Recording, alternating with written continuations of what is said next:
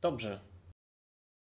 W takim razie, skoro już jesteśmy w komplecie, mogę e, oficjalnie wszystkich powitać na naszym kolejnym spotkaniu. Ktoś liczy, które to jest? Trzecie chyba, tak? Paweł, masz e, od teraz Trzecie. zadanie, przypominanie, które to jest spotkanie. Żebym Trzecie, ja zdecydowanie. o jednej rzeczy mniej. Nazywam Dobra, to ja będę, Biel. ja będę od liczenia. O, świetnie. Nazywam się Radosław Biel. Jestem redaktorem czasopisma Archeologia Żywa. Witam wszystkich. Dzisiaj gościmy Romana Żuchowicza, historyka doktoryzującego się na Uniwersytecie Warszawskim, który przybliży nam zasadniczo z czego śmiali się antyczni przodkowie nasi. No może nie do końca bezpośrednio nasi, ale antyczni Rzymianie i Grecy. Będziemy. E, nie, nie, nie jestem pewny, czy będziemy się śmiać z tych dowcipów. On sam nas zapewnia, że nie do końca. Oprócz nas. Nie oprócz, o, oprócz mnie oczywiście jest z nami Andrzej Daczkowski i Paweł Syguła. Co tam u Was, chłopaki? Coś się zmieniło znaczącego od zeszłego tygodnia? Ciężko powiedzieć. Przybyło mi tydzień życia. antyczne, antyczne dowcipy czas. Że my w czasopiśmie do antyku, tym bardziej jesteśmy ciekawi tych e, żartów. E, więc e, trochę już z pewną niecierpliwością czekamy przynajmniej na pierwszy. Rozumiem, że mogę zaczynać. Tak, powiedz tylko jeszcze, ja tutaj jedną rzecz ustawię, a ty powiedz no, jeszcze parę słów o sobie, żeby, żeby oglądający wiedzieli, z kim mają w ogóle do czynienia, kim no, jesteś. Tak ojej, nie uprzedziłeś mnie, no, nie zdążyłem sprawdzić, wiesz, e, kiedy się urodziłem, nie pamiętam takich rzeczy. E, no, generalnie jestem doktorantem, jak już powiedziano, e, troszkę też Pisywałem popularno-naukowo historii dla Fokusa, historia i w kilku innych miejscach. Też dla archeologii żywej swego czasu to i owo popełniłem. Zdarzyło się też e, popełnić książkę, w której rozprawiałem się z teorią Wielkiej Lechii, ale na szczęście dzisiaj będę mógł wreszcie opowiedzieć o czymś innym. Specjalnie dla Ciebie to zrobiłem. Jest, dzięki Ci wielkie, e, bo już powiem szczerze, ten temat e, mnie trochę nuży. No, a kim jestem, to też jest dosyć skomplikowane pytanie, bo tam, pamiętam, kim byłem przed epidemią, a w tej nowej rzeczywistości człowiek będzie musiał być może się zająć czymś innym. No, zobaczymy. E, na razie korzystając e, e z bezrobocia w tych trochę smutnych i trudnych czasach, e, postanowiłem zapewnić sobie, a, przede wszystkim Wam, e, naszym słuchaczom, odrobinę radości E, czasem może masochistycznej, przy tym spotkaniu z antycznym humorkiem. Już zaczynać. E, tak, no. możesz zaczynać. Już wszyscy powinni widzieć. Odbieramy no komentarze z opóźnieniem. Dobrze, no to przeżyjemy to jakoś. Możesz, możesz mówić. O czym spróbuję powiedzieć? I to spróbuję jest o tyle też istotne, że specjalnie wybrałem troszkę takie rozproszone przykłady. No nie będę tutaj się bawił w uczonego, który będzie przedstawiał jakąś typologię antycznego humoru, dowcipów. Najpierw opowiem o pewnym, e, pewnym zabytku archeologicznym, który być może nosi na sobie najstarszy żart naszej cywilizacji, e, jeżeli za naszą możemy uznać grecko-rzymską. E, potem będziemy powoli zmierzać w kierunku odpowiedzi na pytanie, gdzie leżał starożytny Wąchock, w cudzysłowie. No, jak ktoś jest z Wąchocka, to przepraszam, można wybrać e, jakieś inne miasto czy miasteczko znane z dowcipów. E, potem opowiem Państwu o najstarszym zachowanym zbiorze starożytnych dowcipów. W wątku przejdziemy na to, jak poganie wyśmiewali chrześcijan w czasie prześladowań. Tutaj będzie taki no, humor powiedzmy z Czarny. przykrym e, w tle. E, a na koniec spróbuję, spróbuję odpowiedzieć na pytanie, co bawiło w antyku tak, że aż mogło zabić. Tutaj nie mam kursora, więc też e, przepraszam e, z góry, że nie bardzo mam jak pokazywać. No mam jakiś wskaźnik laserowy, ale to, to tym bardziej nie będzie działało w tych warunkach. E, tak. To, co Państwo widzą, to tak zwana czara Nestora. Jest to naczynie do picia wina, kotyle, które zostały znalezione w 1954 roku w Lacco Ameno, w miejscu, gdzie znajdowała się starożytna osada Pitekusa, konkretniej cmentarz. Pitekusaj leżał naprzeciwko Neapolu. Jak Państwo spojrzą po lewo, to jest to wyspa, która współcześnie się nazywa Ischia. I tak, kontekstem znalezienia tej czary do picia był cmentarz, jeden z pochówków, datowany na mniej więcej 725-710 rok przed naszą erą. No i tutaj prawdopodobnie zarówno sama czara, jak i napis, który tutaj na tym zdjęciu dosyć słabo widać. Zaraz pokażę Państwu obrys. No na pewno, najpewniej była stworzona troszkę wcześniej. Jest to zabytek generalnie bardzo istotny. Tutaj jak Państwo spojrzą na obrys, może będzie widać coś niecoś więcej. Sam tekst. Jest to jedno z najstarszych w ogóle poświadczeń tego, że Grecy umieli pisać. Oczywiście wcześniej w epoce mykeńskiej no Grecy mieli swój system pisma, linearne B, no ale później jakby ten system zanika, no i nie mamy świadectwa jakby ciągłości znajomości pisma w tak zwanych wiekach ciemnych. No mówię to wszystko w dużym uproszczeniu. No i tutaj mamy nagle zabytek, który został znaleziony w świecie greckim kolonialnym, tak, no jesteśmy koło, pod Neapolem. alfabet, jak tutaj Państwo widzą, to niektóre literki, jak Państwo, nie wiem, kojarzą alfabet grecki, to się trochę różnią co może też e, zaskakiwać. E, pisano wówczas od prawej do lewej.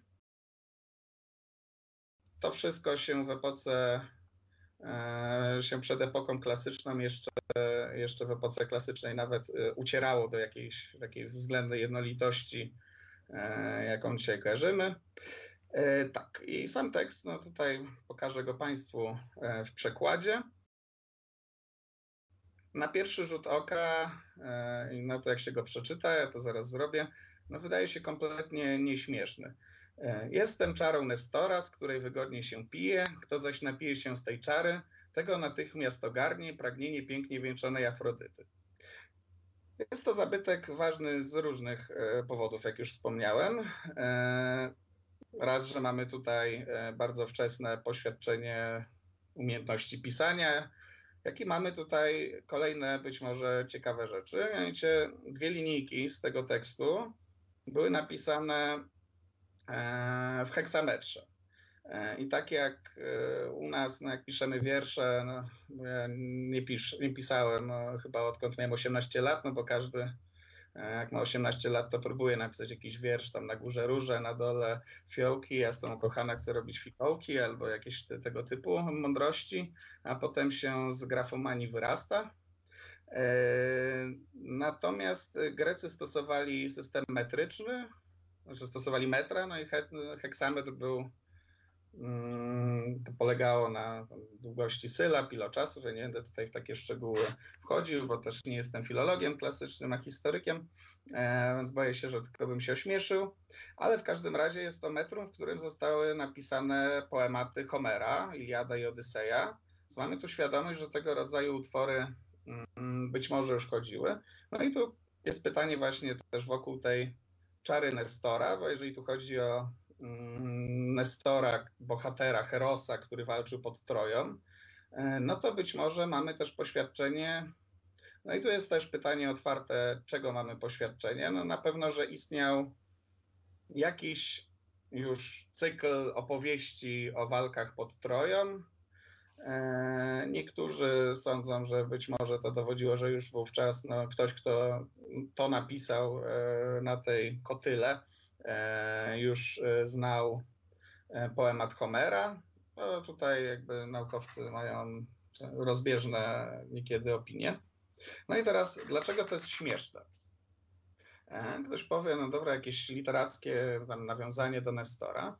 Tylko tak, trzeba pamiętać, trzeba zastanowić się, jak to czytać i kto to czytał i dlaczego to mogło kogoś bawić. Proszę, być może kojarzą kojarzą Państwo skądinąd e, coś takiego, to się nazywało sympozjon. Była to elitarna, choć też na swój sposób egalitarna, męska biesiada czasach Grecji archaicznej, trochę też to potem wchodzi w epokę klasyczną, chociaż to nie jest taki klasyczny sympozjon. Polegało to na tym, że mężczyźni spotykali się zwykle po nocy w dosyć małej grupie. Jak szacujemy, no to tam do kilkunastu, powiedzmy dwunastu osób się spotykało. E, leżeli na leżankach klinaj, popijali wino i jakby te różne rytuały wokół sympozjonu były też dosyć e, rytuały, czy pewne elementy tego wydarzenia E, no były, miały pewien charakter też podkreślenia równości pomiędzy elitą. E, I to na przykład z jednej czarki, która była, krążyła wokół po, w prawą stronę pomiędzy biesiadnikami. No i teraz tym jakby kontekście takiej męskiej uczty, gdzie jeżeli są kobiety, no to jakieś pewnie niewolnice, fletnistki, gdzie ewentualnie są jacyś młodzi mężczyźni, chłopcy nastoletni, którzy E, są jakby kandydatami, żeby dołączyć do, do tego męskiego świadka, męskiej jakiejś koterii arystokratycznej, którzy siedząc na takim sympozjonie, no właśnie, uczą się jak spiskować, uczą się poezji, uczą się e, właśnie jakichś improwizowanych czasem tekstów, e, uczą się jak kosztować wina, jakie, jakie są zasady generalnie życia e, wyższych sfer. Mm, no i tutaj mamy do czynienia z obiektem, który jest jedną no, z pierwszych manifestacji e, sympozjonu. E, I teraz tak. Pierwszym już elementem e, właśnie jest ta czara Nestora. To już jest żart, bo jak się zajrzy do Iliady, ta mityczna czarka tego bohatera miała być ze złota, miała być w ogóle tak ciężka, że napełniona winem, no to tylko sam hero był w stanie to udźwignąć. A tutaj ktoś dostaje taką lekką czarkę ceramiczną, i nagle może przeczytać na niej, że to jest czara Nestora. Ta grupa, która się wzajemnie tam wówczas bawiła na Pitekusaj, e, na Wyspie Ischia, e, no musiała już takie rzeczy wychwytywać.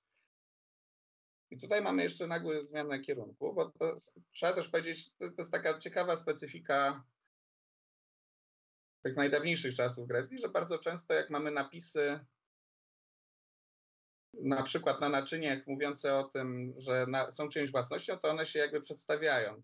E, czyli na przykład jest taki słynny kubek e, Fidiasza znaleziony w Olimpii, no to tam jest napisane Faidio Amy, e, jestem Fidiasza. I znamy też e, jakby z tych stary, najstarszych, wśród tych najstarszych zabytków, niekiedy naczynia mają też pewną formę klątwy przed złodziejem, e, więc kiedy ktoś czytając doszedł do linijki kto zaś napije się z tej czary, no mógł oczekiwać, e, że będzie jakaś forma klątwy przeciwko komuś, kto nie jest właścicielem na przykład. Mamy takie napisy, że na przykład jeżeli ktoś ukradnie daną czarę, to niech oślepnie. E, więc jakby tutaj jest też pewna zabawa konwencją, którą każdy z tych ludzi znał z życia codziennego, a co dla nas jest kompletnie nieprzejrzyste w tej chwili. E, bez jakiegoś bez przeczytania iluś powiedzmy fachowych artykułów na dany temat czy innych publikacji. No a dalej mamy jakby jeszcze kolejny, kolejną nagłą zmianę e, kierunku żartu. To się nazywa fachowa prosdoketon, e, że nagle jest to pragnienie pięknie wieńczonej Afrodyty, czyli zamiast klątwy e, Albo nawet moglibyśmy się spodziewać jakiegoś nawiązania do Nestora, że nie wiem, e, to było wiadomo, najstarszy z bohaterów walczących pod Troją, no uosobienie e, rozwagi, dobrej rady. E, można by oczekiwać, że ktoś się napije z jego kubka, no to nie wiem, będzie tak mądry jak on. No tutaj jest powiedziane, że no, ogarnie go chuć. Więc to są te jakby żarty, które są w tym tekście. E, I teraz powróćmy na chwilę do kontekstu biesiadnego, bo to jest coś, co jest dla nas kompletnie już nieczytelne. Tak jak mówiłem, w czasie sympozjonu kielichy krążyły po sali. Jeden kielich w zasadzie. E, no nie wiemy, jak dokładnie to tutaj wyglądało, ale wyobrażamy sobie, że pewnie tak jak w tych już trochę późniejszych sympozjonach, które jakoś są dla nas lepiej obserwowalne źródłowo Możliwe jest, że specjalnie komuś został na przykład nalane, zostało nalane wino i na przykład on wypiwszy musiał przeczytać, co jest napisane na danej czarze. I to mogło być zabawne z powodów, które są dla nas już zupełnie nieoczywiste. Mógł być tam jakiś podtekst na przykład, że e, nie wiem, e, jeden, jeden biesiadnik e, chciał, nie wiem, e, jakby zasugerować coś drugiemu biesiadnikowi odnośnie właśnie tych powiedzmy spraw Afrodyty, albo to był żart, bo osoba, która nie wiem, e, to przeczytała, to na przykład była znanym impotentem. To są takie rzeczy, które nam zupełnie znikają. No to podsumowując ten, ten kawałek mojego wystąpienia, no mamy tutaj dowcip, żart pewną konwencją literacką, gdzie e, jest to bardzo wysublimowane i tak wysublimowanego humoru już, już tutaj dzisiaj nie poruszę. Zaczynamy z wysokiego C i będziemy potem. No to e, wybrałeś beznadziejnie. Padać, proszę? Wybrałeś beznadziejnie. Żeby przyciągnąć ludzi do oglądania, wybrałeś najtrudniejszy przykład, serio. Naprawdę, ci historycy to z marketingu są beznadziejni. Dobra. Zaprzeczam. Czy, no, powiedz to... mi w skrócie, czy to można przyrównać po prostu do żartu o penisie jakiegoś? No, widzę, że tutaj chcesz poprawić marketingowe e, umiejętności. To byś musiał, nie wiem. Dla nas, e, no my nie mamy no, e, takiego, nie wiem, dzieła z cyklu epickiego, do którejśmy się odnosili, no chyba, że do pana Tadeusza, no to może to tak coś pomiędzy trzynastą księgą pana Tadeusza, e, która jest e, jakimś utworem chyba przypisywanym Fredrze, gdzie tam są przerobione różne rzeczy z postaciami, powiedzmy, na bazie pana Tadeusza, gdzie to tam jest pełne jakichś, powiedzmy, aluzji seksualnych, no to może coś takiego. No bardziej współcześnie to nie wiem, jakby ktoś chyba zażartował sobie, że nie wiem, podałbym ci stołek na imprezie, byłoby napisane, że to jest żelazny tron, tak? Ja nie oglądałem nigdy gry o tron za bardzo E, i tam by były jakieś aluzje, tam, tam, tam, pamiętam, że w tym tronie są miecze, że jak tam na tym usiądziesz, no to będziesz chciał, żeby ci ktoś, ci ktoś nadział na swój miecz, no jakieś, nie wiem. Coś w tym stylu. No, coś w tym, deseń tylko jeszcze napisane jakąś super piękną polszczyzną, na przykład literacką. Rozumiem. rozumiem. E, e, ważne pytanie, no to... bo zapomniałem e, osób oglądających się, czy oglądają nas dzieci? Zasadniczo mogłem to powiedzieć, że to wydanie może być 18, plus, znając starożytnych Rzymian i Greków. No zobaczymy, czy to będzie aż tak radykalne. A to, co przygotowałem, no raczej są rzeczy takie nie wprost, które są. No to jest, to jest czysta nauka. To jest czysta, czysta nauka. nauka tak. Ja wiem, ale jak nas zbanuje Facebook, bo nas ktoś zgłosi, że opowiadamy o penisach, to później będzie problem. Ale to czysto naukowa rzecz, więc nie będę bluźnił. No dobrze, teraz przenieśmy się na chwilę do Gambii. I to jest mi potrzebne nie tylko, żeby pokazać jakieś ładne zdjęcie, bo jako historyk mam raczej teksty niż, niż ładne zdjęcia. Poza tym garem na samym początku, no, czarą Nestora. To, co pokazałem na samym początku, może rzeczywiście nie najlepiej marketingowo, to jest świat, powiedzmy, tego humoru wysokiego, zabawa dla elit, tak, e, e ludzie kultury.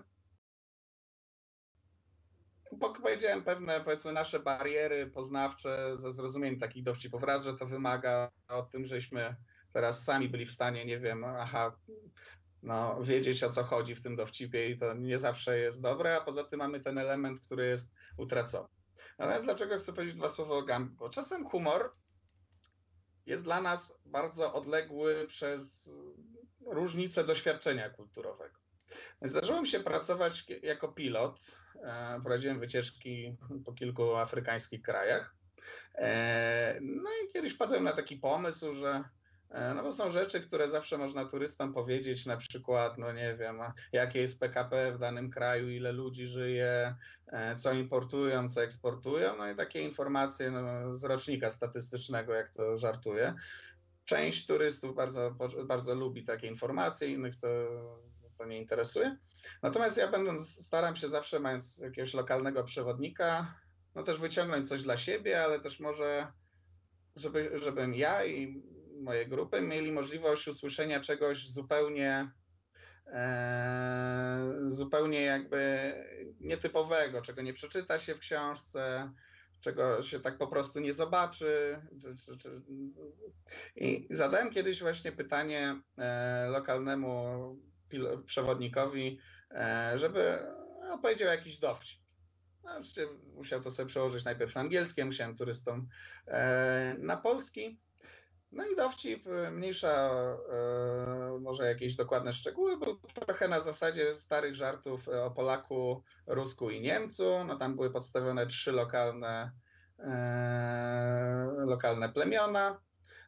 No i na koniec w puencie żartu było, że przedstawiciel jednego z tamtych plemion no, w jakiejś tam sytuacji zjadł własną nogę z głodu. No i mniej więcej wtedy e, jedna z turystek powiedziała, niech on już skończy, niech on już niczego nie opowiada, bo ja mam takie żarty powiedzmy e, z autokanibalizmem, e, no nie śmieszyły i wydawały jej się poniekąd drastyczne. No i właśnie, Grecy też mieli, miewali taki humorek, no to teraz przejdźmy do Aten i do, do komedii Arystofanesa. To jest w ogóle pisarz, e, komediopisarz, o którym można by mówić pewnie nie jeden odcinek, e, całą serię wykładów. No, był jednym z głównych twórców e, komedii staroatyckiej, no też jest jedynym komediopisarzem w zasadzie z tych najdawniejszych, którzy, których dzieła się do naszych czasów zachowały, niektóre dzieła w całości.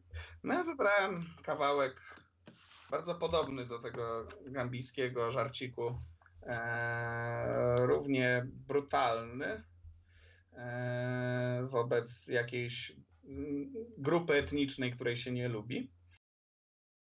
E, wybrałem kawałek sztuki Acharnejczycy. Była ona wystawiona w 425 roku przed naszą erą. Arystofanes, takie przybliżone lata życia, to więcej 400 46, 385. Tej sztuki nie wystawił pod e, swoim imieniem, e, tylko e, pod imieniem Kalistratosa na Lenajach, jednym ze świąt, w czasie których w Atenach wystawiano komedię. Z takich rzeczy, które Państwo powinni wiedzieć, słuchacze powinni wiedzieć na początek, no to sami Acharnejczycy jako tytuł no, nawiązują do w zasadzie miasta pod Atenami, ale które było e, jakby osobnym demem Aten, powiedzmy dzielnicą na nasze, to jest ciężko to upraszczać. E, były to, była to część e, powiedzmy polis ateńskiej, która była poza murami miasta, no i która 425 rok, wojna peloponeska trwa już od kilku lat, tak? wojna pomiędzy Spartą i sprzymierzeńcami, Ateńczykami i sprzymierzeńcami. E, no i w czasie tej wojny wiele razy Attyka, mm, czyli półwysep, na którym leżą Ateny, była no, plądrowana, najeżdżana przez, e, przez przeciwników. No, biedni Ateńczycy schowali się za długimi murami, tak, które łączyły ich miasto z portem w Pireusie. E, no i bezradnie patrzyli, jak ich dobytek jest rok po roku plądrowany, niszczony, palony, tak, wycinane winnice, gaje oliwne. No a Harny były wcześniej no, jedną z takich no, bogatszych y, części Aten, jeśli można tak powiedzieć. No i ci ludzie byli bardzo sfrustrowani i tutaj są jakby, robią za chór. Od, nas, od strojów, w jakich występował chór, bardzo często biorą się tytuły komedii starożytnych. Mm. No i tak, i w samej sztuce jest pewien konflikt pomiędzy dwoma bohaterami. E, jeden to Dikaiopolis, a drugim jest wódz Lamachos, postać skądinąd e, historyczna. No i Dikaiopolis ma dosyć wojny, no i postanawia zawrzeć separatystyczny pokój ze Spartą i z resztą przeciwników Aten. No i wskutek czego będzie mógł się cieszyć wygodą, luksusem, używać tego, czego ludzie używają e, sobie w czasach pokoju, czyli dobrze zjeść, dobrze wypić. E, no jakby Dikaiopolis jest trochę głosem może może to lekkie nadużycie Arystofanesa. No i tutaj jakby, kiedy już zawiera ten separatystyczny pokój, no to jest taka scena, w której, w której Dikaiopolis zakłada własną agorę. Tak? Ustanawia prawa, jak ma tam działać rynek, jak się ma toczyć handel. No i przybywa mm, kto, przybywa mieszkaniec Megary do niego na samym początku. E, Megara to miasto e, bardzo blisko położone od Aten. Śmiertelnie się Ateńczycy z Megarejczykami nienawidzili od, od zamierzchłych czasów. E, no i ten, te parę kawałków, które przeczytam, pokażą, jak myśleli o swoich sąsiadach. E, jak się Państwo już po tym wstępie domyślają, nie najlepiej. Megaryjczyk. Rynku ateński, miły Megarczykom, witaj. Jak matki, tak mi ciebie brakło. Biedne córeczki nieszczęsnego ojca, idźcie za chlebem, może gdzieś znajdziecie, lecz posłuchajcie nadstawiwszy brzucha. Chcecie sprzedane być, czy cierpieć biedę? Córki. Sprzedane, sprzedane. Megarejczyk. Ja tak mówię, ale gdzie ten głupi, kto by was kupił, sam na własną szkodę? Lecz mam już pomysł, megarejską sztuczkę. Powiem, że świnki przyniosłem na rynek, włóżcie na nogi te świńskie raciczki, żeby się wydać dziećmi dobrej świni. Bo na Hermesa, jeśli się nie uda sprzedać was, w domu z głodu mi pomrzecie. Włóżcie szybciutko na głowy te ryjki, a potem właśnie tu do tego worka. A teraz kwiczcie, chrumkajcie tak samo jak na misteriach ofiarne prosięte, zaś zawołam Dikajopolisa.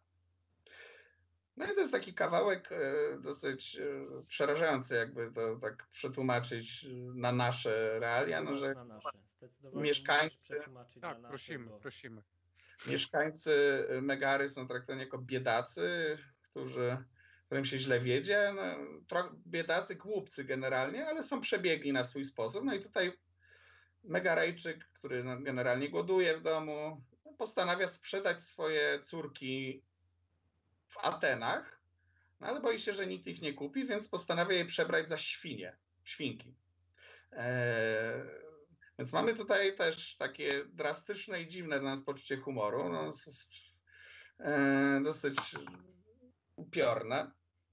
No i też tutaj są takie elementy, kolejny element, którego my nie widzimy E, kiedy się zajmujemy e, humorem antycznym. Tak? Ta komedia była wystawiana na scenie. Postaci miały, były, występowały w maskach, miały męskie postacie dorobione e, gigantyczne fallusy, wypięte specjalne powiększone zadnie części. Tu jeszcze te postaci dziewczęce, grane oczywiście przez mężczyzn, E, są dodatkowo przebierane za świnie. Spora część elementu komicznego e, nam tu znika. No i potem e, oczywiście, jak się tam sztuka biegnie dalej, no i Dikajopolis kilkadziesiąt wersów dalej, no, rozmawia z tym Megaryjczykiem. Tamten oczywiście opowiada, jaka u nich straszna bieda, że w mieście to w ogóle obradują jak najszybciej umrzeć, bo jest tak źle. E, no a ten Megarejczyk no, chce cokolwiek wyhandlować do jedzenia od Ateńczyków, e, od Ateńczyka Dikajopolisa, no i podsuwa mu własne córki. No ten oczywiście się orientuje, że no to są świnki, ale raczej kobiece, bo tutaj jest też podtekst właśnie no, ze skojarzeniem świnki z, z młodą dziewczyną do seksu. E, no więc w uproszczeniu, no to mamy kolejny dowcip, który raczej nas nie śmieszy, trochę przeraża, trochę może zaskakuje.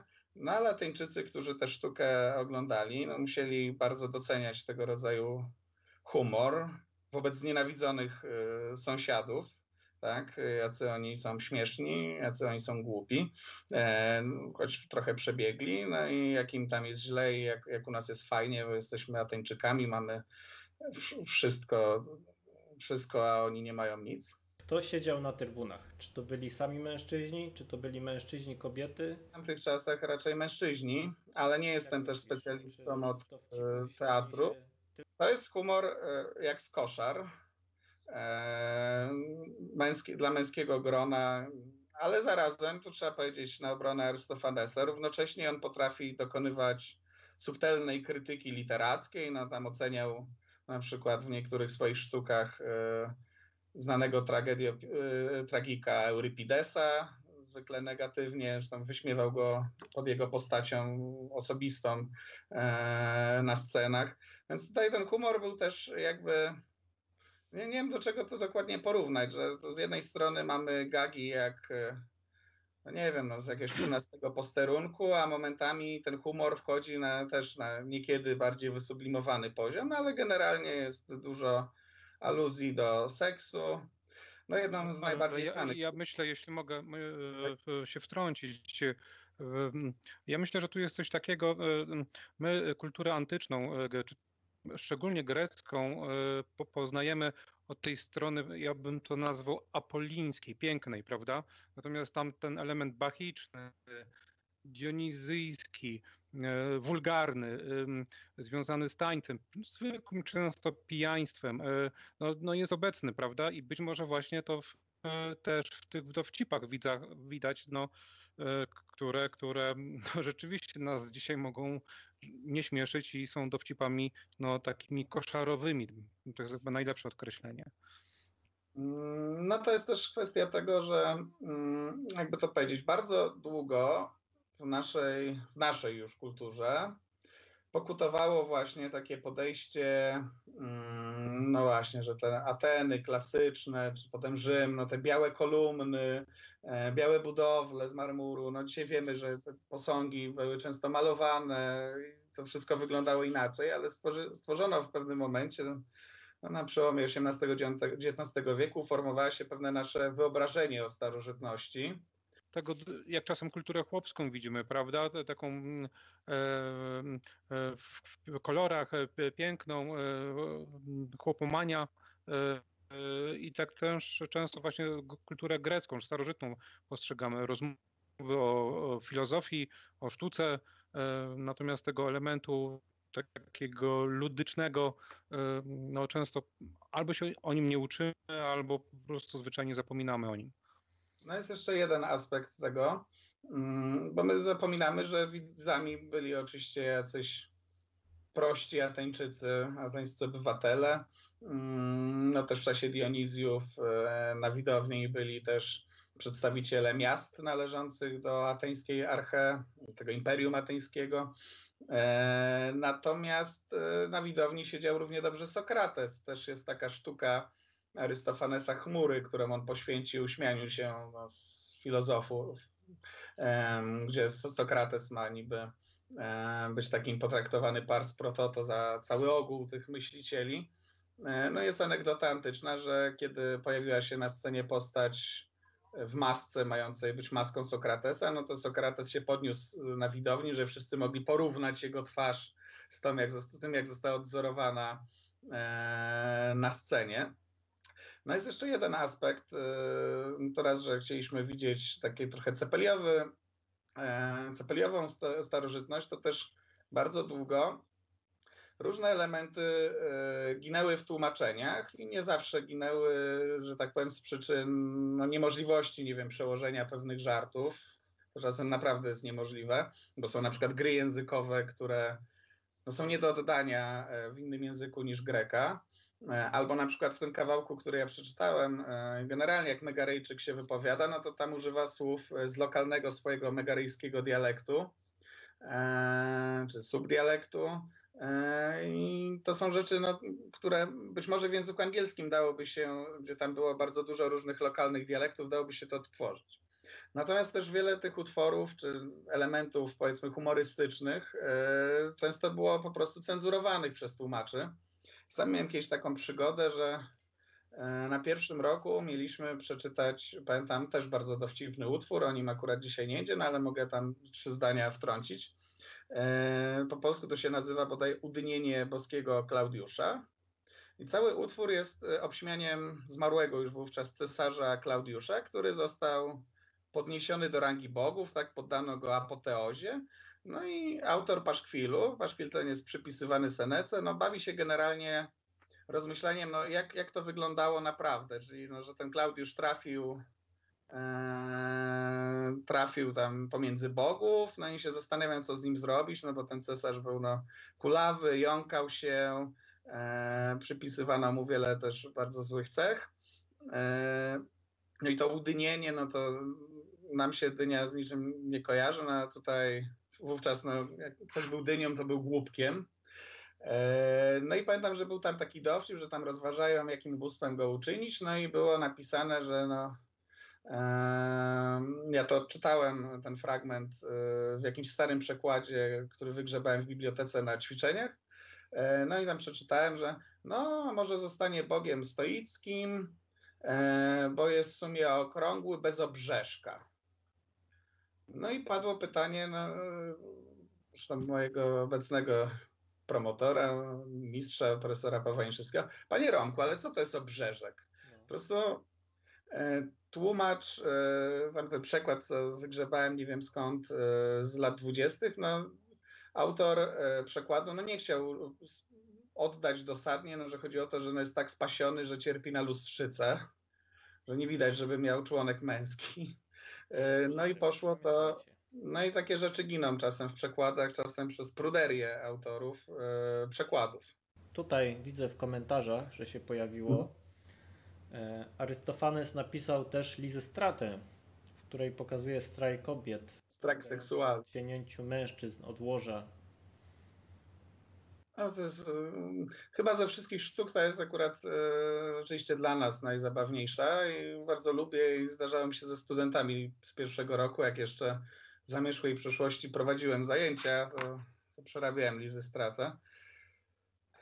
No dobra, ale idąc dalej, no tutaj mieliśmy powiedzmy lokalny humor ateński, gdzie Ateńczycy wiadomo, tam Megaryjczyków nie lubili, śmiali się z Beotów, Tebańczyków, tak, to w ogóle to najwięksi głupcy to Tebańczycy.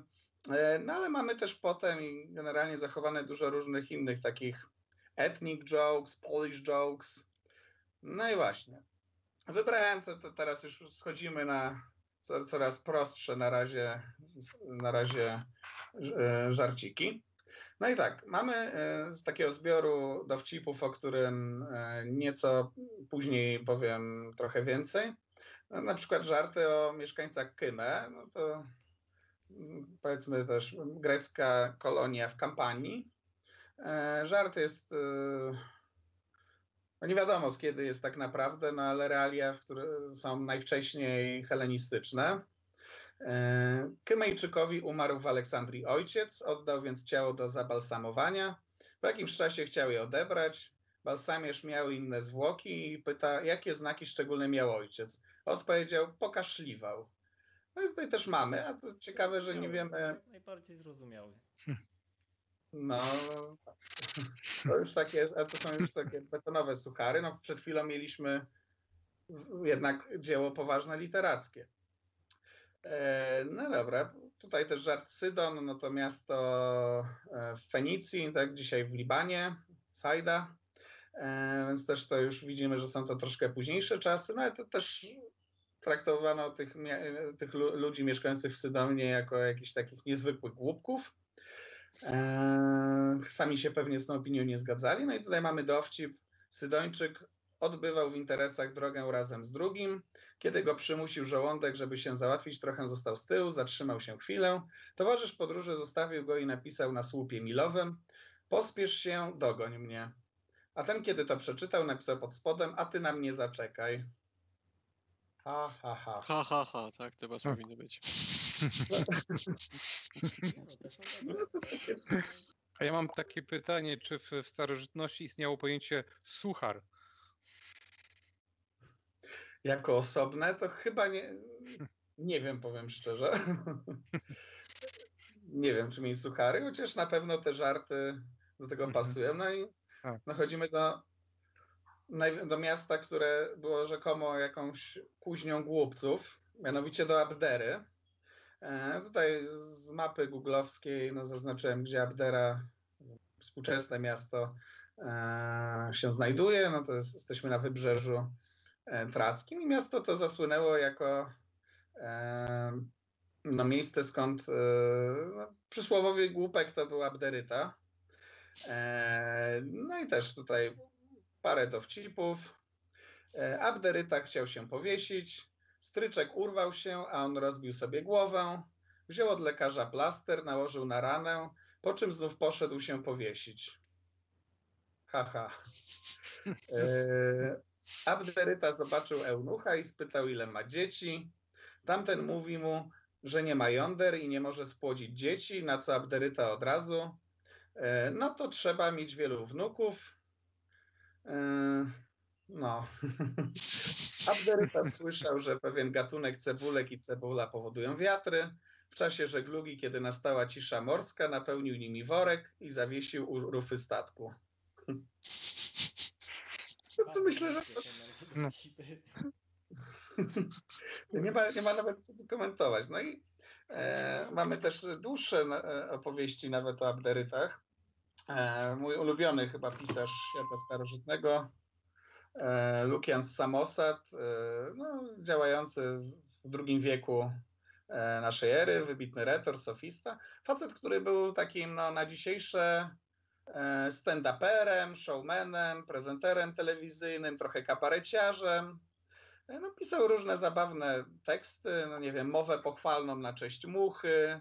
E, pisał też e, zabawne dialogi, na przykład dialogi bogów, dialogi umarłych, e, różne tego typu utwory. No ja na przykład jedno ze swoich dzieł, jak należy pisać historię, e, zaczyna od takiego długiego kawałka, w którym opowiada, że, e, no, że tam właśnie Abderę e, odwiedziła trupa teatralna, e, no i wystawiali jakieś takie bardzo podniosłe dzieło, jedną ze sztuk Eurypidesa Andromachę.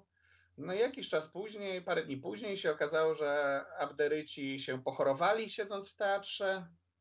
E, No i wszyscy zaczęli w jakiejś, w jakiejś gorączce recytować partię Eurypidesa.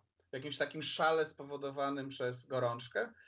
No a wszystko to było mu potrzebne po to, żeby przyrównać e, współczesnych sobie, powiedzmy, ludzi, którzy się wzięli za pisanie historii. No wtedy Rzymianie akurat e, prowadzili wojnę z Partami, tak? To są czasy, e, sam początek panowania Marka Aureliusza, kiedy jeszcze z Werusem e, jako współrządcą rządził. No i była wojna z Partami, no, gdzie Rzymianie najpierw dostali straszne baty, potem odnieśli trochę e, spektakularnych zwycięstw, wszystko zakończyła wielka zaraza. E, nawiązanie do współczesnej przypadkowe dość. E, No i chciał powiedzieć, że współcześni ludzie dzie- przez wojnę stali się jak ci abderyci, no tamci maniakalnie recytowali poezję, a teraz wszyscy się bawią i udają, że są historykami i chcą napisać, jak, jak to wspaniale Rzym wygrywa wojny. E, No więc tacy byli przysłowiowi głupcy i to jest ciekawe, powiem szczerze, nawet nie wiem dlaczego padło akurat na Abdera. Tak, tak samo nie wiadomo dlaczego, nie wiem, w jakichś takich polskich dowcipach jest akurat Wąchock jakoś szczególnie e, doceniony, no, zwłaszcza, że z Abdery pochodzili wielcy filozofowie, na przykład Demokryt. E, więc jest to taki też trochę paradoks, no ale czymś się widać zasłużyli sąsiadom, taki, taka łatka przy, przylgnęła do nich na stałe. Czy to, czy ta Abdera była takim wąchockiem dla wszystkich y, Greków, czy tylko myślimy o Atyńczykach w tym momencie? No to już mówimy o czasach, e, czasach znacznie późniejszych, bo cesarstwa, gdzie ta Abdera też tak naprawdę tam mocno zniszczona w IV wieku, przed naszą erą jeszcze, no to tam coś się tliło chyba, jakoś to miasto było potem jeszcze ileś razy rozjeżdżane przez różne armie, ale nie było jakimś ważnym ośrodkiem. E, No ale ludzie wychowani w tej kulturze, no to mieli jakiś taki właśnie, właśnie Abderyta był takim przysłowiowym głupcem. No i też czerpali E, bo wszystkie teksty o Abderytach, które przeczytałem, są już e, z czasów rzymskich, E, więc to jakby był już, już to było jakieś silniej, silne kulturowo, no, jak w Rosji, nie wiem, dowcip o Czukczach, Mm, jeśli to jest odpowiednie porównanie, no tutaj pamiętam, jedni drudzy byli Grekami, żyjącymi w świecie już rzymskim, E, no ale ci Abderyci stali się jakąś taką ofiarą, jakimś taką ofiarą ty, tych żartów. Tak jak pokazałem, kilka innych miast też, też bywało op, op, opiewanych w różnych y, dziwacznych żartach. Mamy też żarty na przykład o Sybarytach, to jest jeszcze ciekawsze, bo Antyczna Sybaris, no to już wówczas nie istniała od setek lat, no ale mieszkańcy, którzy byli tak to było takie miasto, które miało właśnie słynąć z luksusu, dekadencji. No jak zostało zniszczone, no to przetrwała trochę właśnie legenda takiego miasta obiboków, leni, no, którzy no, zasługiwali tylko na upadek. E, no więc były też żarty o sybarytach na przykład, chociaż sybarytów jako żywo wówczas no, nie było i nawet no, nie można było spotkać. Byli tylko jakąś taką pewną konwencją. Rozumiem. A czy śmiali się nie z wiem. siebie? No właśnie. Z siebie samych? No tak, wiesz, jak nasze. Bo to jest, jak napisałeś, Polish Jokes, tak? Ale Polish Jokes opowiadane przez Anglików i tak dalej. My mamy swoje dowcipy o e, Polak, Rusek, Niemiec. Mhm. Czy, czy teoretycznie my nie śmiejemy się wtedy z nas samych, bo teoretycznie w każdym tym dowcipie to my wychodzimy na najfajniejszych, najlepszych, najsprytniejszych. Ale czy tego typu też myślisz, można znaleźć rzeczy? Znaczy, to jest pewna kwestia, co to znaczy um, śmiać się z nas samych. No, na pewno e, w, na przykład w sztukach Arystofanesa jest też dużo aluzji do ateńskich zwyczajów, e, jakichś tego typu, powiedzmy, e, typowych zachowań, scenek rodzajowych. E, natomiast e, odbiorcą był demos, więc śmiano się z pewnych typów ludzkich, do czego za chwilę przejdę. Bardziej można pokazać, że są czasem, no na przykład ten Lukian Samosa czasem potrafi z siebie gdzieś tam zażartować, pewnie jakby tam te różne jego mowy, czy różne jego dzieła, niektóre E, mniej lub bardziej e, pisane powiedzmy pierwszoosobowo, czyli nie dialogi, gdzie on wspomina jakieś wydarzenia, w których brał udział, no to czasem widać, że facet no, miał do siebie jakiś dystans. E, są na pewno, jakby przejrzeć na przykład Swetoniusza, no to są jakieś takie też na przykład żarciki cesarzy, niektóre nawet autoironiczne, na przykład cesarz Wespazjan E, jak umierał, e, miał powiedzieć: Biada mi już staje się Bogiem. E, co było jakby żartem z tego, że no potem spodziewał się, że czeka go oficjalna apoteoza i uznanie za, za bóstwo. Nie wiem, czy to występuje. Mhm. A z samych bogów, a z samych bogów się, się śmiano? To jest coś, co może być dla nas zaskakujące. E, ale tak. I to już na bardzo wczesnym etapie, e, mianowicie już w Iliadzie są żarty. I to jest bardzo ciekawe, bo e, nawet kiedyś taki wybitny filolog klasyczny, badacz kultury starożytnej Berkert, zmarły parę lat temu, napisał E, pracę, już nie pamiętam dokładnie tytułu, e, ale właśnie o tym, dlaczego Homer pozwala sobie na, na śmianie się z bogów. Tak? E, jak się popatrzy na scenki rodzajowe, nazwijmy to w Iliadzie, gdzie bogowie się pojawiają, no to jest tam dużo śmiechu, ci bogowie też tam sobie sporo się śmieją z siebie wzajemnie. Jest to też śmiech na swój sposób patologiczny, no, bo rodzina olimpijska no, była taką trochę, powiedzmy, rodziną patologiczną tak? E, Zeus zdradzający swoją żonę na lewo i prawo, który rzuci, zrzucił z nieba własnego syna, tak jakby na to popatrzeć, tam e, te różne tam grozi przemocą non-stop tym swoim e, współ, współbogom, braciom czy, czy, czy, czy dzieciom.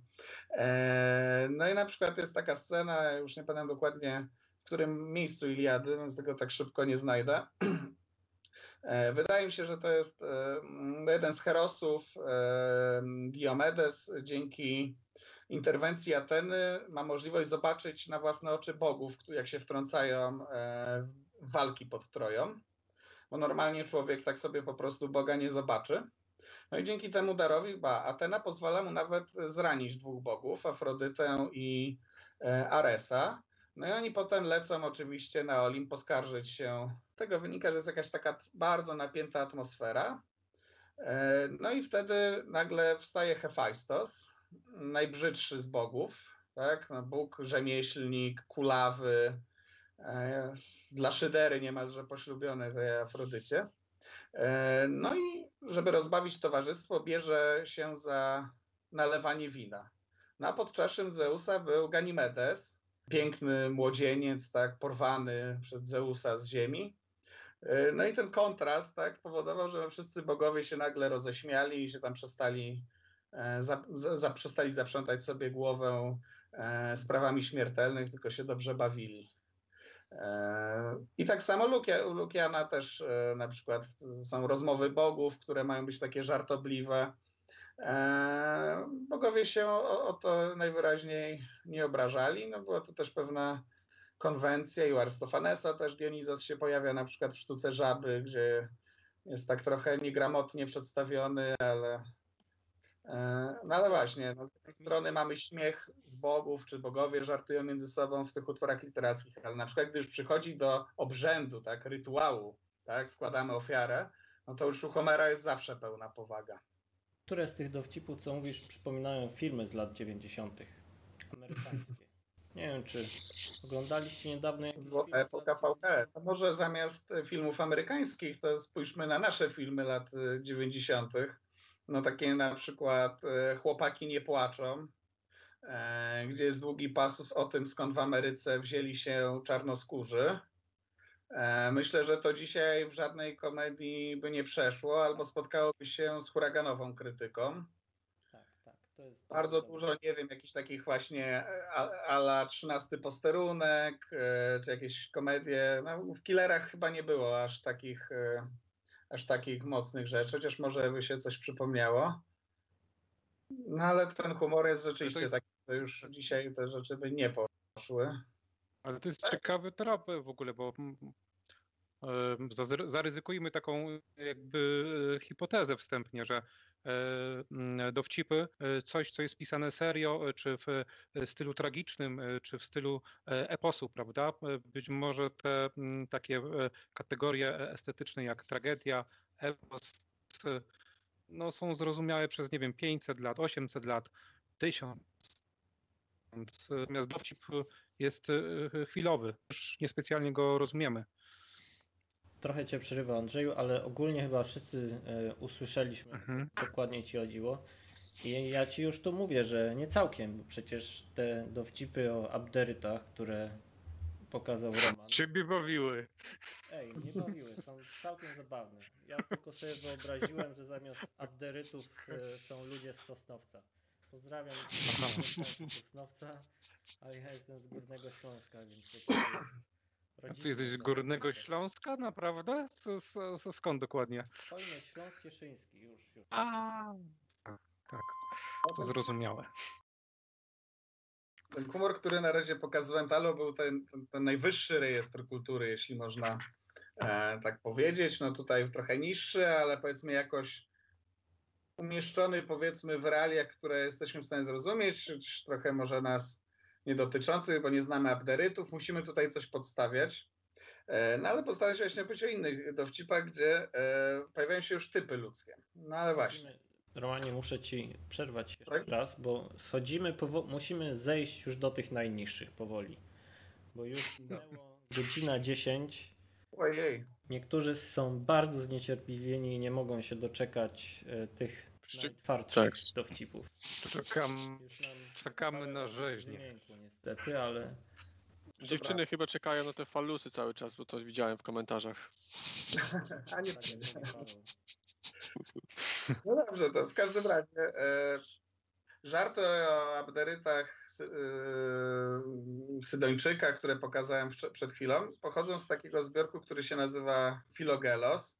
No tutaj jest okładka polskiego przekładu autorstwa Jerzego Łanowskiego. E, to jest najstarszy zbiór dowcipów w ogóle, jaki posiadamy. E, musiał on powstać jakoś po III wieku naszej ery. Różnie, e, różnie to jest datowane. No niektórzy nawet to posuwają aż do epoki bizantyjskiej. W każdym razie no, przynajmniej część tych dowcipów jest jeszcze, jeszcze antyczna. Mm, no to może bez teorii, w skrócie. E, dobra, no to z kogo się na przykład śmiano? E, Głodomór wydał córkę za Głodomora i pytany, co jej daje w posagu, odpowiedział, daję dom, którego okna wychodzą na piekarnię. Pechowy pijak kupiwszy winnicę umarł w czasie winobrania. Eee, śmierdzi gęba, to jest bardzo ciekawe, bo jest trochę tam właśnie dowcipów o ludziach, którym śmierdzi z ust albo e, śmierdzi im skóra. E, śmierdzi gęba modlił się ustawicznie z twarzą zwróconą ku niebu. Wychylił się doń Zeus i powiada: Zrób mi tę jedyną przyjemność, przecież masz bogów także pod ziemią. No. To jest do... o, o śmierci Dobre. gębie to słyszałem taki, jak człowiek o śmierdzącym oddechu popełnia samobójstwo. Zakłada torbę na głowę i się dusi. Ludzkie. Albo tutaj gadatliwy Golibroda spytał dowcipnisia, jak, ma, jak cię mam ostrzyc? Milcząc. Aha. Teraz e, mój, mój absolutnie ulubiony z tego zbiorku. E, dowcipniś na, dowcipniś na studiach, nie mając na życie, sprzedawał swoje książki, a w liście do ojca napisał: Możesz się cieszyć razem ze mną, już mnie żywią książki. No to mi po prostu przypomina początek studiów doktoranckich, gdzie też sprzedawałem książki swoje, żeby mieć za co przeżyć. E, dobra, tutaj przykładowy żart od chórzu. Tchórz zapytany, które ze statków są bezpieczniejsze, handlowe czy wojenne, powiedział wyciągnięte na ląd. No tu może tego tak dobrze nie odczuwamy, no ale generalnie pływanie po morzu nie było, nie było najbezpieczniejszą rzeczą, jaką można było robić e, w ogóle w starożytności. Zawsze wiązało się to z jakimś ryzykiem, jak się wpadło na burzę. Się nie dopłynie szczęśliwie. No jak tak się przerzucę, to są żarty na przykład o mizoginach, o mm, tych e, o lekarzach jest trochę, o głupcach, o lubieżnych kobietach. Bardzo dużo jest żartów o mędrkach. E, po grecku jest scholastikos. No. E, mędrek, no tak Łanowski to przełożył. Generalnie z kontekstu wynika, że to słowo ma znaczyć osobę niby wykształconą, ale tak naprawdę mimo zdobytego wykształcenia głupią. No, powiedzieliśmy po polsku chyba jest takie słowo wykształciuch. E, no i tutaj mamy właśnie takie dwa dowcipy. E, Mędrek widzi siedzącego i płaczącego zawodnika, który przegrał w urządzanych w Rzymie igrzyskach z okazji tysiąclecia miasta. Pociesza go, nie martw się, na igrzyskach drugiego milenium na pewno ty zwyciężysz. To jest e, no tak. bardzo ważny dowcip w tym całym zbiorze, bo wiemy, że takie igrzyska miały miejsce w 248 roku za panowania Filipa Araba. E, no i dzięki temu e, możemy jakby datować ten zbiór. E, no, kolejny dowcip weselny. Mędrek był zaproszony na wesele, potem wychodząc mówi: Życzę wam, żebyście zawsze to tak szczęśliwie urządzali. Hehe. No. To nie wiem, może jak skoro już tak długo gadamy, bo też powiem szczerze, przez to, że widzę tylko prezentację, nie widzę waszej reakcji i w ogóle, przepraszam, hmm. publiczność naszą, że dla mnie to trochę też nietypowe doświadczenie, nie widzieć reakcji e, odbiorców, bo wtedy wiem, czy muszę coś skracać, wydłużać. Natomiast nawet nie widziałem za bardzo zegarka. E, wszyscy się, wszyscy się śmieją chyba, bo nie, nikt nic nie pisze. Nie mogą, nie mogą. No. Albo ich tak zatkało już tym dowcipem. To myślę, że możemy na tym skończyć. To trudno, te inne wątki może przy jakiejś innej okazji kiedyś, kiedyś wyciągnę. Jeszcze bez problemu możemy poopowiadać e, o prześladowaniu chrześcijan. O właśnie. Okay. A, jeszcze tak, tu miałem pokazać e, odnośnie Filogelosa dwie rzeczy. Jak ktoś jest zainteresowany, to parę lat temu e, wydano nowy przekład na język angielski E, tego utworu, e, tego, trudno to nazwać dziełem literackim, tego zbioru dowcipów. E, no jeden z komików brytyjskich, Jim Bowen, wykonał taki stand-up, gdzie opowiadał te dowcipy i to można znaleźć na YouTubie, jak ktoś jest zainteresowany. I jeszcze tutaj w sumie mam coś z Monty Pythona, mianowicie też wśród tych dowcipów z Filogelosa, z tego, z tego zbiorku, jest dowcip, który można uznać za nie wiem, protoplastę sketchu o papudze z Monty Pythona. Tutaj w prawym dolnym rogu powinniście widzieć e, no, e, kadr z tego, e, z tego, z tego sketchu. No i czytamy. Ktoś spotyka mędrkę i mówi, ten niewolnik, którego mi sprzedać umarł. Na bogów, odpowiada. Póki był u mnie, nigdy nic podobnego nie zrobił. No to taka aranżacja. No, jeżeli chodzi o chrześcijan, to możemy powiedzieć o grafito Aleksamenosa. Jest to takie coś. E, Mhm. W 1857 roku, e, w czasie wykopalisk na Palatynie, e, odnaleziono fragmenty mm, budynku, w którym gdzieś między pierwszym a trzecim wiekiem naszej ery mieściło się pedagogium, no, coś co czasem jest nazywane po polsku w literaturze szkołą paziów działającą przy dworze cesarskim. E, No i tak, co my tu mamy na obrazku? Tak, e, po lewej widzą Państwo, wi- widzicie e, postać ludzką, która wykonuje gest adoracji wobec e, ukrzyżowanego człowieka z głową osła. E, No jest coś nabazgrane bardzo brzydko po grecku. Alexamenos sebetet heon. To w ogóle jest napisane z błędem, bo powinno być sebetaj. A Generalnie oznacza to Aleksameno, znaczy można to tak e, w skrócie przełożyć, że e, Aleksamenos oddaje cześć e, Bogu. Tutaj z tego co widać na załączonym obrazku, to jest jeszcze taki Y w prawym górnym rogu. A niektórzy twierdzą, że to jest jakiś znak pitagorejski. E, taki Y no, był takim symbolem rozwidlających się dróg, gdzie człowiek wybiera pomiędzy życiem cnotliwym a niecnotliwym, ale chyba jest to po prostu pęknięcie kamienia. W każdym razie e, jest to prawdopodobnie najstarsze, choć prześmiewcze, przedstawienie e, Jezusa Chrystusa, które się do nas dochowało, tak? W tej szkole paziów najwyraźniej był jakiś Aleksamenos. Domyślamy się, że jeden z młodzieńców, e, którzy tam, tam zamieszkiwali. No i chło- koledzy musieli mieć straszny ubaw, że jest chrześcijaninem i wierzy e, właśnie, wierzy w osła. Dlaczego w osła akurat to zaraz. E, no i na innej ścianie jeszcze potem, kilka lat później, znaleziono napis Alexamenos Fide- Fidelis, e, coś powiedzmy mm, Alexamenos wyznawca. E, Więc ewidentnie jest to pewna satyra wykonana no niewprawną dosyć ręką, e, która miała jakoś drwić e, z chrześcijan. I mamy analogię do tego.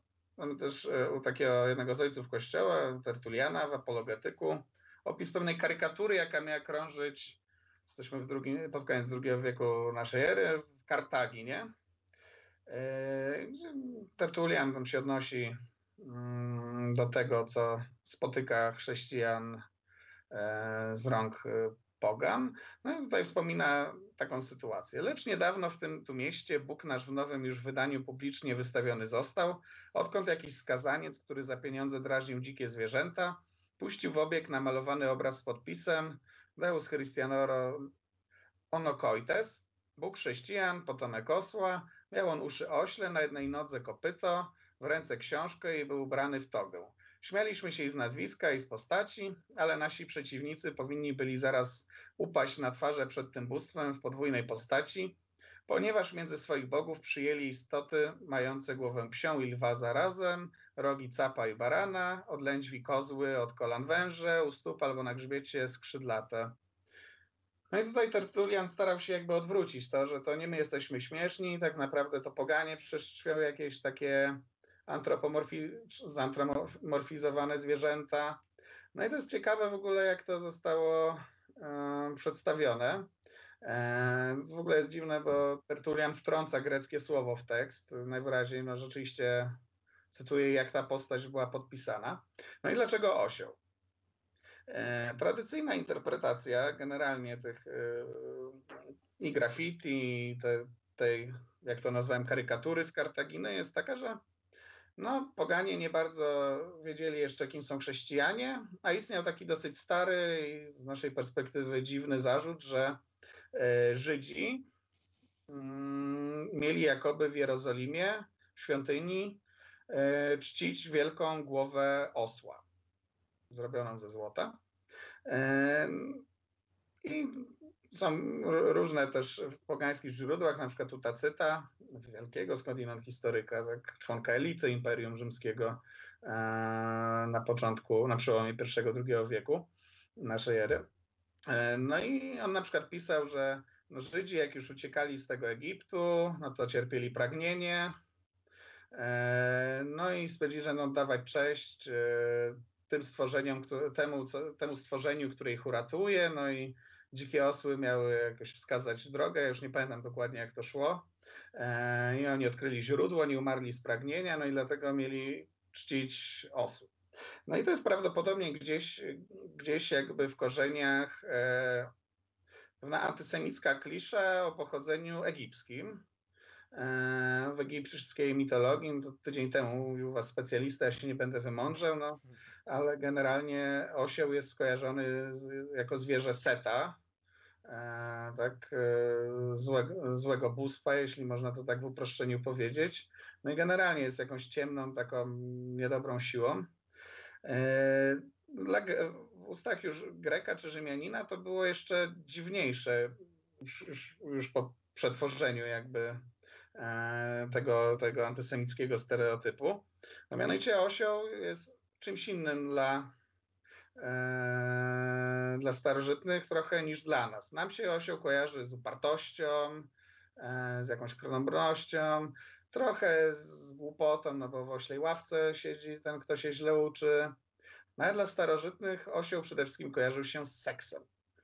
E, Z brudem trochę też, e, ale z jakąś właśnie jurnością. No generalnie jakby najpopularniejszym jakimś takim motywem w tamtych czasach, tutaj króciutki dodatkowy kontekst, jest coś, co być może pochodzi z opowieści milezyjskich, tego utworu tutaj wyróżnionego na kontekst, nie mamy czasu.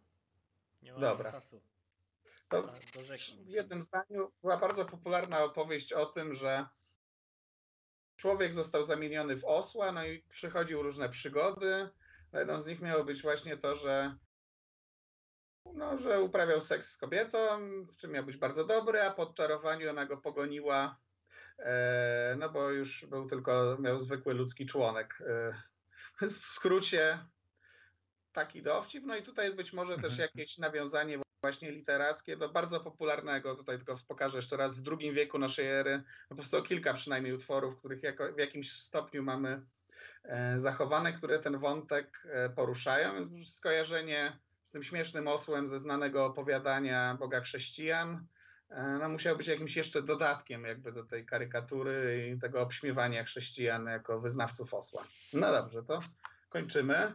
Spróbuję wyłączyć tę prezentację. Mam nadzieję, że się nie rozłączę z wami. Nie no, powiem szczerze, że ani nie wiedziałem upływu czasu, ani nawet choćby waszych reakcji.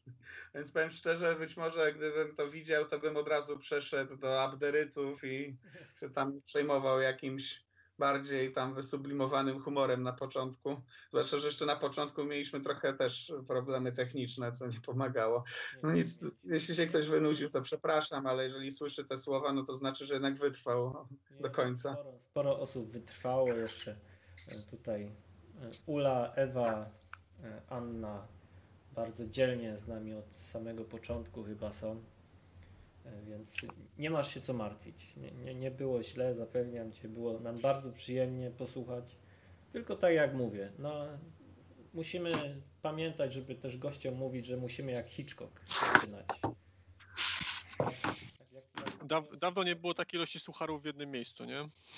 No tak, tak, tak. Zawsze mogę jeszcze jakiś przeczytać. Jakby była pola. Zostaw, zostaw na następne spotkanie. Będziemy musieli podbić e, następne. E, nie no, było bardzo nam miło Cię gościć. Mam nadzieję, że wszyscy. E, o właśnie, Ula pisze, że Panie Romanie z grubej rury następnym razem. W końcu to internet, a wiesz jak to jest z tym internetem. Wszyscy mają bardzo krótką atencję. Najważniejsze o, o młodzież, która by nie daj Boże dosta, dorwała się, a teraz to rozumiem, że już na, na, na grubo trzeba. No nie, zapomniałem o jednej najważniejszej rzeczy. Jako, że dzisiaj jest Dzień Matki, to pozdrawiamy wszystkie mamy. Tak? O, jeśli, tak. jeśli jakieś są w czacie, to e, jak najbardziej pozdrawiamy, życzymy wszystkiego najlepszego. Jeśli moja ogląda, to pozdrawiam dwukrotnie mocno, a może tata przynajmniej przekaże. I dziękujemy też, e, tym razem sobie zapisałem, bo ostatnio zapomniałem, magazynowi, e, profilowi Lente, magazynie, magazyn śródziemnomorski. Bardzo ciekawe rzeczy sprzedają w swoim sklepiku, więc e, jakby co, to zaglądnijcie do nich, bo byli tacy, tacy mili, że pomimo tego, że to jest czysto historyczno-archeologiczne spotkanie, to udostępnili informacje na nasz temat. I teraz przejdziemy. Mam nadzieję, że wszystko będzie działać. Jeszcze się upewnię. Wszystkie to jest, to jest, to jest, to jest. Teraz e, każdy ma chwilę dla siebie. Romanie, e, powiedz, co tam w przyszłości, e, gdzie cię mogą znaleźć ludzie, jakby się interesowali dalej, czy jakieś artykuły mogą twoje przeczytać, czy ten, czy te dowcipy. To dopiero w trakcie jakby opracowywania są i Znaczy powiem szczerze, no prowadzę e, od ładnych kilku lat e, bloga, którego łatwo znaleźć pod adresem piroman.org. Wpisując także tę nazwę na Facebooku, no można zobaczyć facebookową stronę, na której generalnie dzieje się więcej niż na samej mm, stronie powiedzmy www.bloga. No miałem jakiś pomysł, żeby coś niecoś ponagrywać, może korzystając z tego zamknięcia. No zobaczymy, co z tego finalnie wyjdzie. E, To kwestia znalezienia jakiegoś formatu, który byłby no, bardziej strawny niż pierwsze pół godziny dzisiejszego wystąpienia. to e, możesz nam jakby co podziękować w swoim pierwszym nagraniu, że masz feedback od nas. No, to do, dobra okazja do takiego crash testu, też się tu zgodzę. Mm, No a co będzie dalej, no to zobaczymy. No, może napiszę doktorat do końca, jak jeszcze to zamknięcie potrwa w domu przez parę tygodni czy miesięcy. Ja już No, tam przyjdzie wyjście mierzyć z nową rzeczywistością. No, ja to mówiłem na przykład, że tam trochę pilotowałem wycieczki, no to to jest coś, co na razie jest y, już przeszłością i raczej na razie się nie zanosi na jakąś przyszłość. Mogę powiedzieć jeszcze jedną rzecz, y, jeśli się zgodzicie, tylko muszę to sprawdzić. E, informację, mianowicie e, pomagałem swego czasu mm, przy scenariuszu do filmu popularno-naukowego.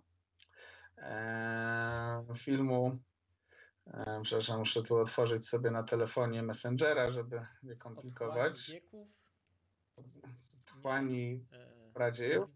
Coś, coś zasadniczo ja, ja kojarzę, o, o czym. E, To ty Tak, to sobie. film e, troszkę powiedzmy e, przeciwko teorii Wielkiej Leki.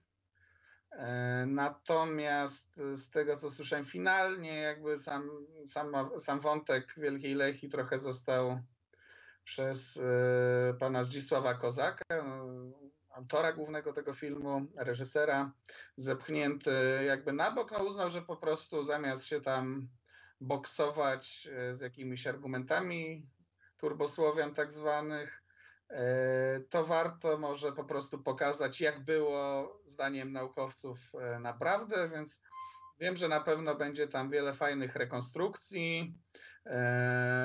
Wiem, że na pewno też wypowiada się tam kilku naprawdę uznanych polskich naukowców.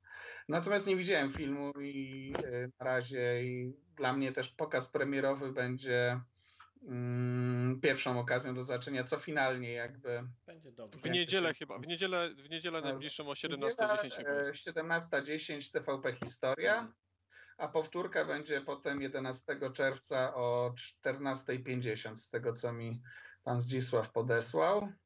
Dobrze. Pan Cozac y, robi dobre rzeczy i nie spodziewałbym się, żeby było inaczej w tym przypadku.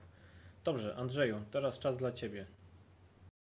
E, Dobrze mnie słychać, bo nie mam do końca pewności. No, Teraz tak. no, Będę krzyczał. no, słuch- no to słuchajcie, po, po tym e, odcinku e, ja zawsze byłem krytyczny wobec e, naszej kultury, naszych dowcipów, e, szczególnie tej kultury popularnej.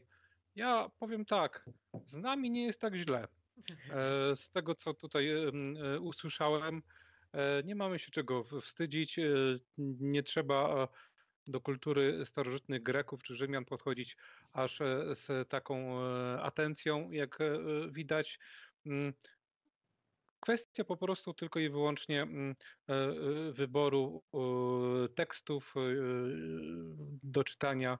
E, Z tej starożytnej e, kultury możemy sobie wybrać to, co e, piękne, tragiczne, ale też pewnie też to, co mm, nie, nie tylko, że dowcipne, ale może i takie nie do końca udane, bym powiedział, o w ten sposób, czy niezrozumiałe już dla nas. O, może tak. Tyle z mojej strony. Pewnie.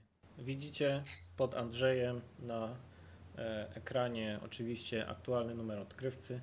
Zachęcamy do kupowania, szczególnie, że coraz więcej empików już chyba jest pootwieranych. Nie wiem, nie wiem jak Tak. sytuacja cały czas w internecie żyje niestety. Mhm. Dobrze, Paweł, czas dla Ciebie. No co ja wam mogę powiedzieć? Ja wam dziękuję bardzo za spotkanie. E, no przynajmniej mogłem się z wami pośmiać trochę. E, natomiast wszystkich, którzy chcieliby się jeszcze trochę czasem pośmiać, przy okazji coś ciekawego poczytać, zapraszam na profil, bo e, akurat tam staram się używać poczucia humoru. E, tak, żeby czytało się to z zainteresowaniem. Żeby nie okazało się tak, jak tu ktoś napisał w komentarzu, że historia jest nudna. Nie jest nudna, zdecydowanie nie jest. Zdecydowanie nie jest. Pewnie, że nie. Czasami tylko niektórzy o niej nudno piszą, ale to nie znaczy, że ona jest nudna. To ja, czasami ja. Jakbyście przeczytali mój doktorat, to w ogóle jest. Nie, be, nie będziemy czytali. No. E, E, Ja Radko akurat czytałem jeden z twoich artykułów i wcale nie uważam, że był nudny, ale to już chyba subiektywne odczucie. Wiadomo, e, każdy ma lepsze, gorsze dni. Radek, jak widzicie, e, normalnie e, wszystko rzeczy czytacie, co, co, co czytacie w komentarzach i tak dalej na profilu archeologii żywej, no to głównie piszę ja.